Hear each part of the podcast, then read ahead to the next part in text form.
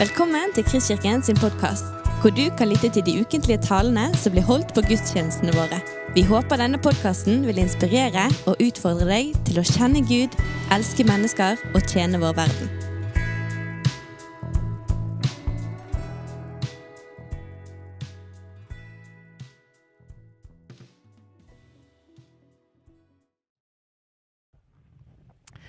Vi fortsetter med å prise Herren Jesus Kristus og be. Ja, vi takker deg, Jesus, for at vi skal få minnes.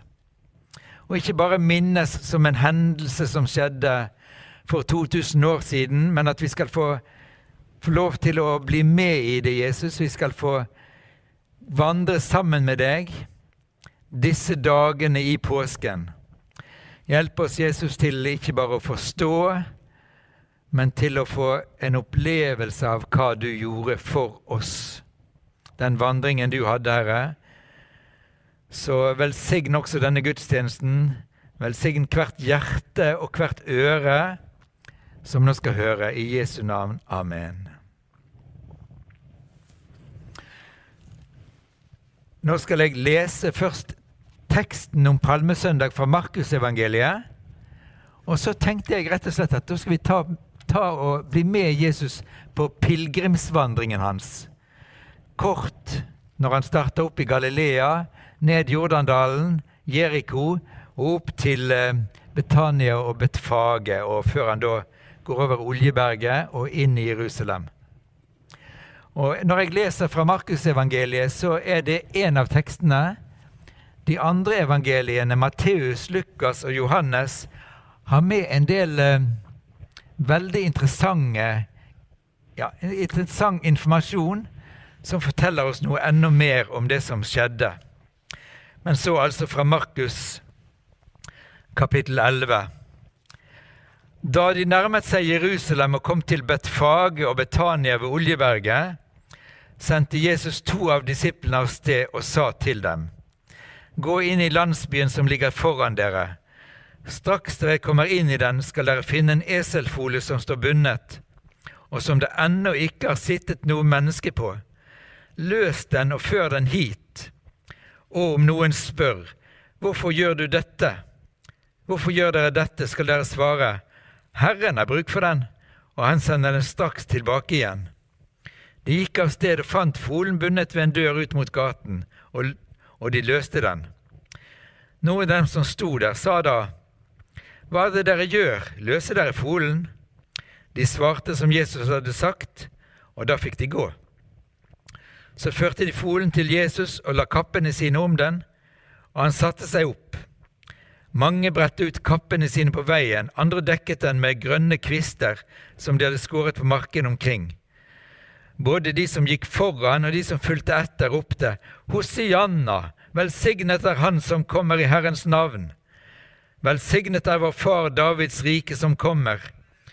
Hosianna i det høyeste. Han dro inn i Jerusalem og gikk opp på tempelplassen. Etter å ha sett seg omkring overalt gikk han ut til Betania igjen sammen med de tolv, for det var alt sent på dagen. Har du vært i Jerusalem på palmesøndag? Det er en utrolig flott opplevelse. Sterkt artig, jublende. Jeg har vært der eh, noen ganger på Palmesøndag. Vi starter i Betfage, der Jesus eh, fikk denne eselfolen og satser på den. Går opp eh, på eh, Oljeberget, og der er tusener på tusener, titusener av mennesker som da går i en rekke og rad. Og så har de palmegreiner og veiver med. Og så kan du se at de kommer fra alle nasjoner. Eller ikke fra alle nasjoner, men fra veldig mange nasjoner. Og det øker på med mennesker fra ulike nasjoner som går hver med sine flagg. Og jeg har kanskje gått jeg husker ikke det, men jeg har kanskje gått med det norske flagget. Og så har jeg gått der sammen med folk fra Brasil, fra Argentina, fra USA, fra Canada, fra Sør-Afrika, fra Nigeria, fra Kenya, fra Uganda, Etiopia. Og i de senere årene så er kommet folk fra Marokko, fra Egypt. De kommer fra Midtøsten, forskjellige steder. De kommer fra India, fra Filippinene, fra Kina, fra Sør-Korea. You name it. Vi er der og går i denne marsjen over Oljeberget mot Jerusalem og synger sangene om Jesus. Synger Hosianna, velsignet være Han som kommer i Herrens navn. Davids sønn synger til han. Velsignet være Han, synger vi om Jesus. Og så, eh, to, nesten 2000 år seinere, så eh, brukte vi å ha innvandrerleir på Sotraheimen her vest for Bergen. Og hver palmesøndag så var vi i Fjell kirke. Og den gode eh, menighetstjeneren i Fjell kirke hun pleide å klippe ned alle sånne grønne busker som hun hadde inne i huset sitt, eller ute i hagen. Så skamskår jo alt sammen. Men hun gjorde det for at vi skulle få en opplevelse av vandringen på palmesøndag. Og så kom vi der i kirken fra mange nasjoner med palmegreinene våre og sang på nytt sangene til Jesus. Gikk i posisjon gjennom kirken og frem til alteret. Og det var festlige opplevelser. Har du ikke vært i Jerusalem på palmesøndag, så er det å anbefale. Og Nå kan jo dere ta palmegreiner eller grønne planter hjemme også. Og så kan dere gå rundt i stuen. Så kan dere veive med de, eller med flagg og så kan dere synge til Jesus. Vi skal ha en sang til om Jesus, og da kan det være fint rett og slett å gjøre det. Men nå var altså Jesus og disiplene kommet til Jerusalem. De hadde en, noen dager før lagt ut på en, eh, på en lang pilegrimsvandring fra Galilea. Og det var neppe bare Jesus og de tolv disiplene hans. Det var en svær flokk. Jødene var på vandring. De skulle til Jerusalem til høytidene. Hver høytid var det pilegrimsvandring til Jerusalem og til tempelet. Der måtte de være da. Og Jesus hadde i alle fall vært i Jerusalem som tolvåring sammen med hans foreldre, sine foreldre. Og var han, Den gangen var han så opptatt av å lære og snakke med de skriftlærde. Han var i tempelet der. Han spurte, og han svarte. Og disse gamle, voksne mennene de var så forundret over den kunnskapen som Jesus hadde. Men sånn var det. Tolv år gammel, og de årene som fulgte, så var det pilegrimsvandringer til Jerusalem. For hele familier, for hele flokker. Og de som kom nordfra fra Galilea og skulle til Jerusalem, de gikk gjennom Jordandalen til Jeriko, og så gikk de opp fra Jeriko til Jerusalem. Så dette hadde Jesus vært med på før. Og Denne gangen så gikk han der sammen med de tolv disiplene sine.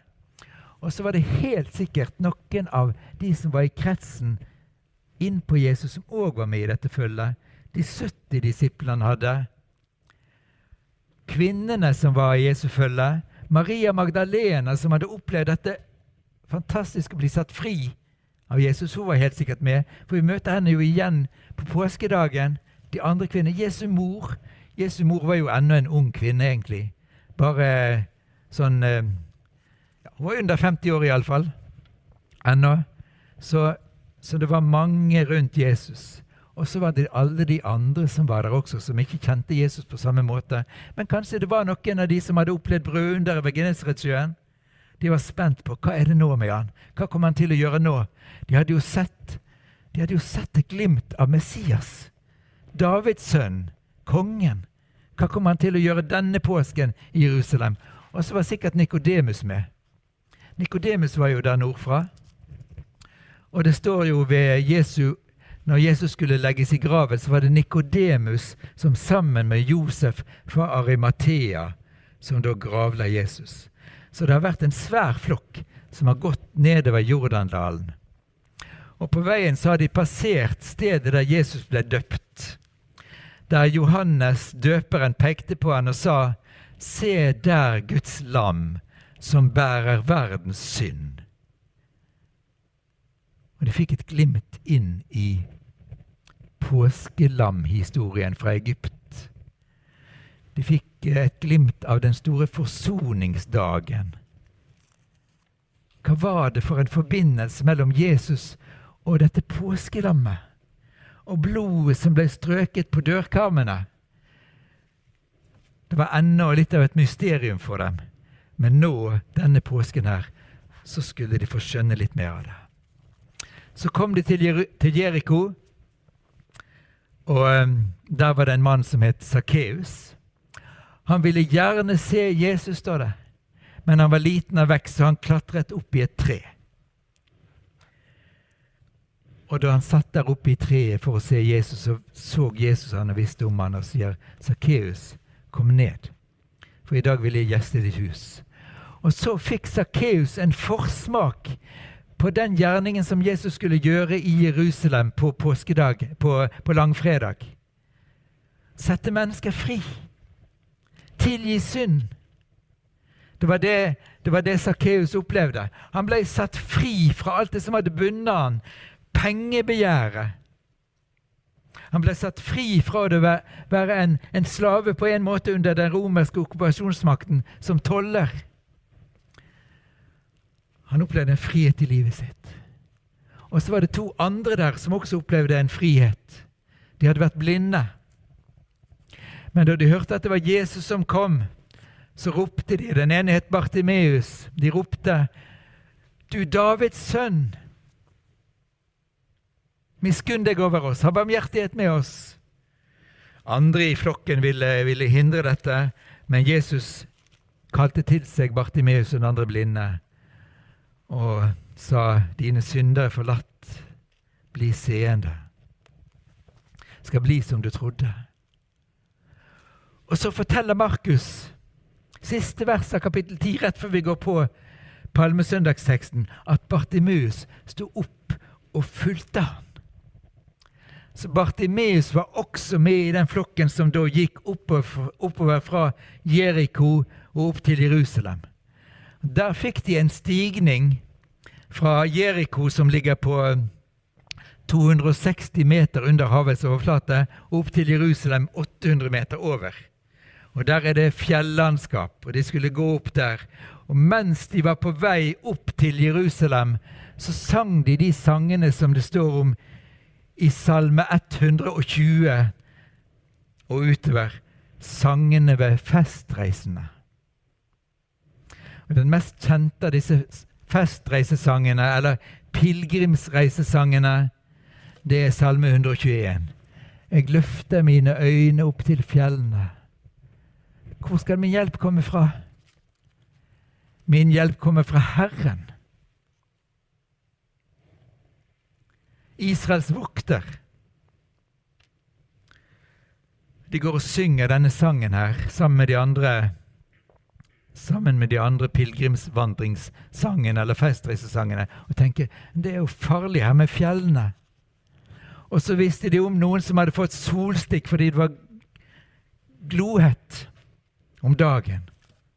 Eller andre som hadde blitt månesyke om natten. Så de synger også om det.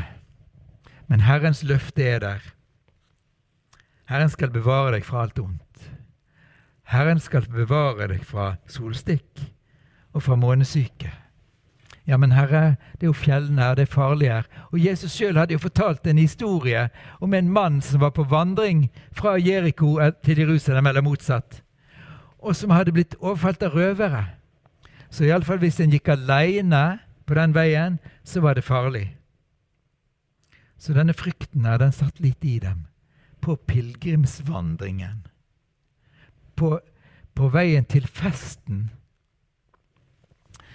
Og der opplever jeg at det ligger et veldig djupt poeng for oss også. Vet du, Det er, det er festreisesanger, men det betyr ikke at det er fest for oss hele veien. Margunn har nettopp bedt for forfulgte kristne.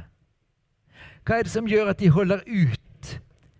De opplever jo ikke fest alltid i dagliglivet, Nei, nettopp nå, på langfredag og påskedag, kan de risikere kristne i Pakistan, i India, i Nigeria, andre steder at nettopp nettopp da er det en selvmordsbomber eller som kom, noen som kommer og skyter i kirken.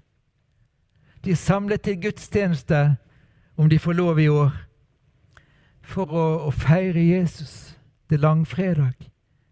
Eller påskedag, det er oppstandelsesdag. Og så blir det alt annet enn fest. Men hva er det som gjør at de holder ut?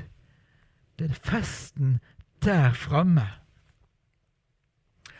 2. april 2015. Det var langfredag. Det var øst i Kenya, i universitetsbyen Garissa, like opp til grensen av Somalia. De kristne studentene på denne langfredagen de sto opp klokken fem om morgenen og gikk til det rommet der de pleide å ha bønn.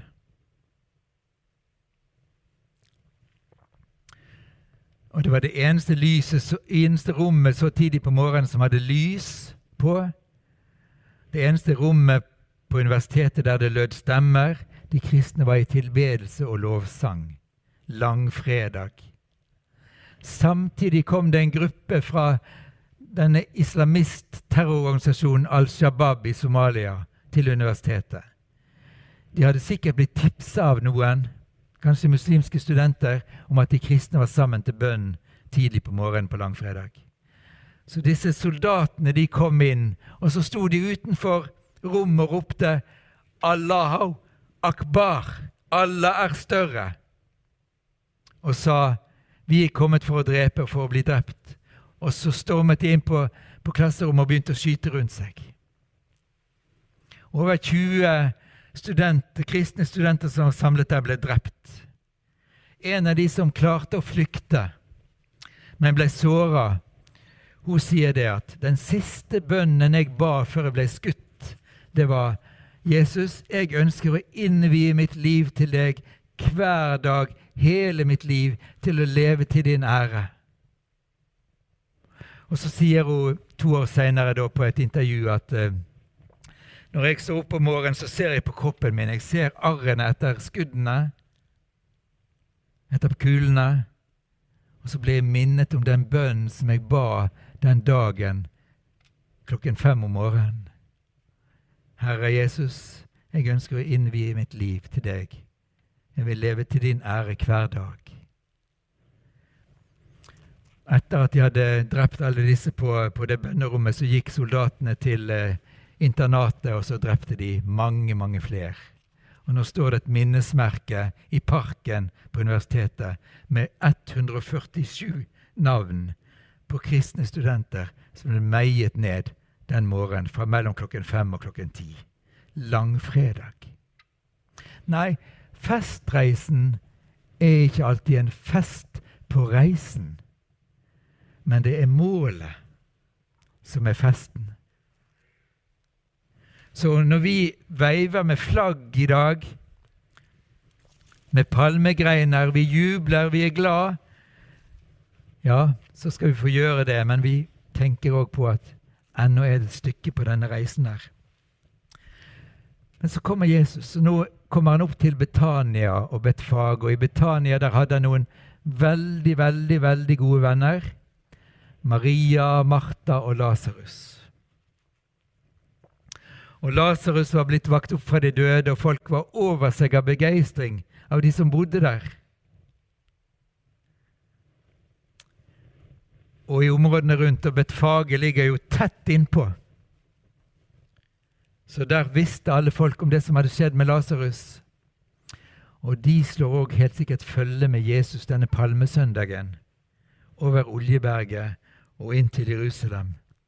Så det er en, det er en stor flokk som er samla. Og i tillegg altså så har du alle disse som kom fra mange land.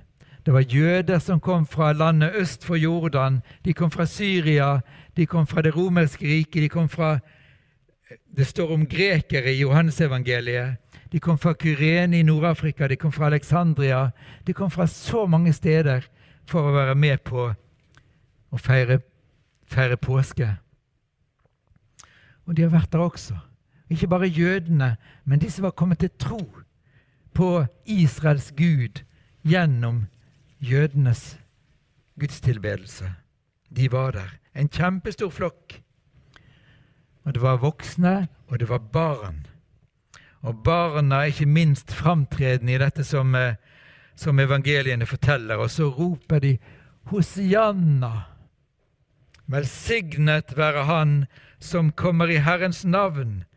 Velsignet være vår, Davids, vår konge Davids rike som kommer. Velsignet være Davids sønn, Messias, Hosianna i det høyeste. Det ropet Hosianna, det sier kanskje ikke så mye for oss som bare kan norsk. Men for de som visste det, kunne hebraisk, så visste de hva det betydde. Det har samme rot som navnet Jesus. Ho shianna. Og denne endelsen, den betyr nå, eller da. Gi oss frelse nå, roper de til Jesus. Hosianna! Gi oss frelse nå. Men det de tenkte på, kanskje de fleste sånn umiddelbart, det var 'frels oss fra den romerske okkupasjonsmakten'. De suger pengene ut av oss. De er allestedsnærværende i dette landet her. Pontius Pilatus bor med sine soldater nede i Cesarea, men vi ser de overalt i landet. Og nettopp nå i høytiden så er Pontus Pilatus og konen hans og masse soldater her som rir rundt på hester. Å, om vi kunne bli fri dette åket! Du, Jesus, er du Messias, Guds sønn, Davids sønn, så befri oss. Der ropte de. Men det var én gruppe, én gruppe som både bodde i Juda og ikke minst nede ved Dødehavet, som vi kaller esseerne, som hadde en Messias-lengsel som gikk utover den politiske. De lengtet etter han som skulle komme og befri deres indre liv, som skulle restaurere Israel åndelig, som skulle gjøre at de på nytt begynte å tilbe Israels Gud av hele sitt hjerte, av hele sin sjel, av all sin kraft. Det ytre politiske var én ting, men det var det indre livet, i kjærlighet til Gud, som var det mest betydningsfulle. De var der også, og de ropte dette Hosianna, Messias. For de hadde oppdaget i Skriften en annen side ved Messias, nemlig Herrens lidende tjener. Han som det står fortalt om f.eks. For i Jesaja 53. Han som var foraktet, ille tilrett. Han som ikke noe menneske hadde sitt behag i. Han som ble hengt på korset, han som ble såret for våre overtredelser og knust for våre misgjerninger. Han som tok straffen vår på seg. De var det også.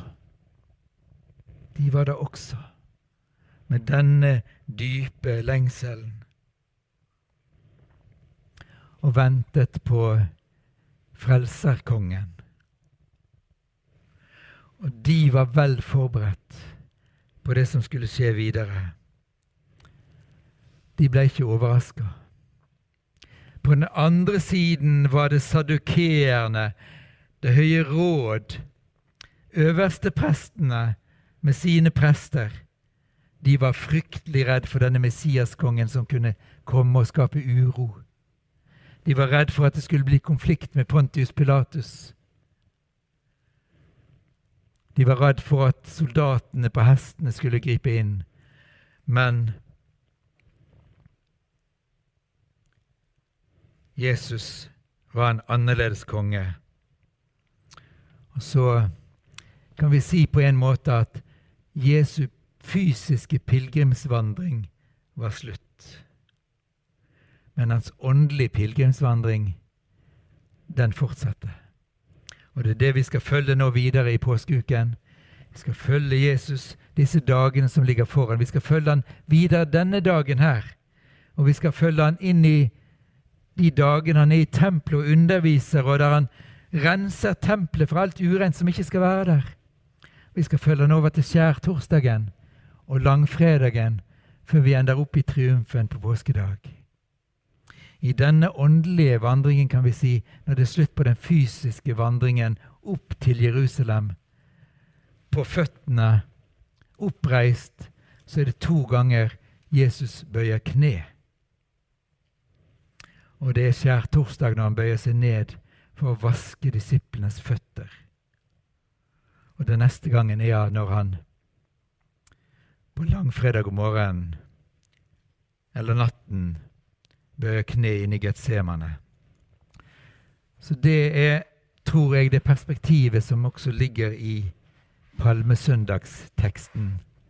Det er alltid fra jubelen og gleden med flagg og med palmegreiner og klær som strøs på veien, til det å se dypt inn i påskens evangelium. Amen. Du har lyttet til en podkast fra Kristkirken i Bergen. Vi håper du har blitt inspirert og utfordret i din vandring med Gud. Vil du vite mer om oss, så klikk deg inn på kristkirken.no.